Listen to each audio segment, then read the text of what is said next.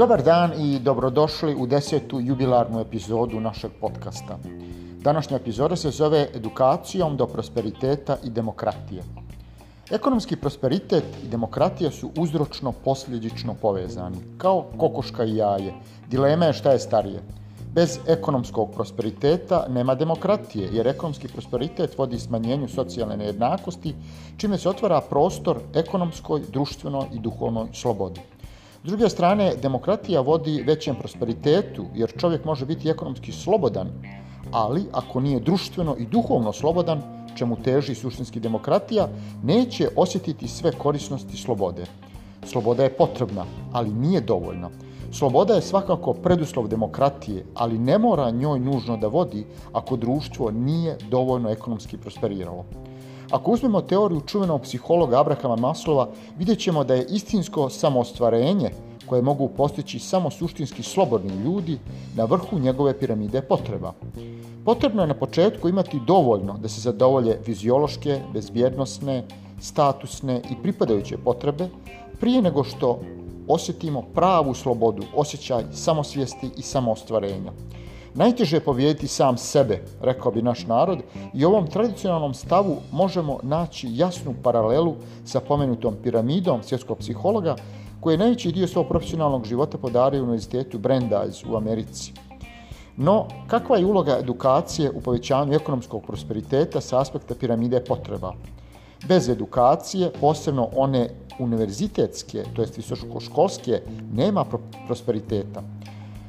Prvo, osnovne fiziološke potrebe danas se zadovoljavaju upotrebom vrhunske poljoprivredne i prehrambene nauke, koje je cilj maksimalnom efikasnošću doći do sve više dobara kako bi što više gladnih i žednih usta nahranili i napojili. Činjenice da u savremenoj životnoj sredini to često ide protiv interesa planete, ali ono očigledno što možemo da vidimo ovih dana, zna da se brani i sveti, kako kaže popularni sarajevski band Letu štuke. Drugo, potrebe sigurnosti zahtijevaju savremena znanja o osiguranjima svih tipova, životno osiguranje, zdravstveno, imovinsko, putničko i tako dalje, upotrebu vrhunskih sistema zaštite, a sve to nemoguće bez edukacije. Potrebe za pripadanjem također su izraženije ako više naučeno o sobstvenoj tradiciji, porodici, kulturi i okruženju.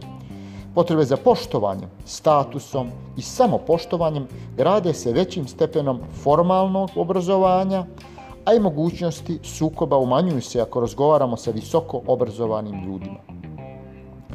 I na kraju, samostvarenim ljudima edukacija je klica razvoja, jer vrhunskim obrazovanjem dolazimo do suštinske spozne realnosti, prihvatanja sebe i drugih, mogućnosti da rješavamo probleme, shvatanja značaja individualnosti i privatnosti, instrumenta kako da se borimo protiv palanačke primitivnosti i socijalne amnezije, razvoja dubokih veza sa istinskim prijateljima, potrebe da pomažemo neznancima, potrebe za stvaralaštvom, uvažavanju i utilizaciji različiti, različitosti i konačno potrebi za demokratijom.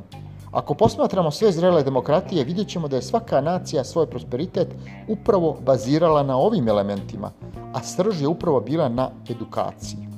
Zato su čuveni svjetski univerziteti shvatani kao kruna privatnog preduzetništva, jer se njihov razvoj nije smio prepustiti ovoj ili onoj političkoj grupaciji ograničenog životnog vijeka. Neko može da postavi pitanje, a šta sa trenutno nezaposlenim visokoškolcima?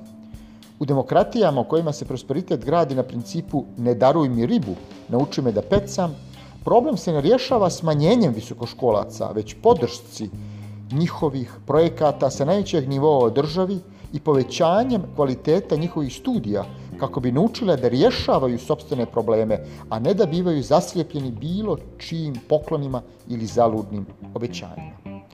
Hvala vam puno na slušanju, želim vam lijep i ugodan dan i ostajte zdravi.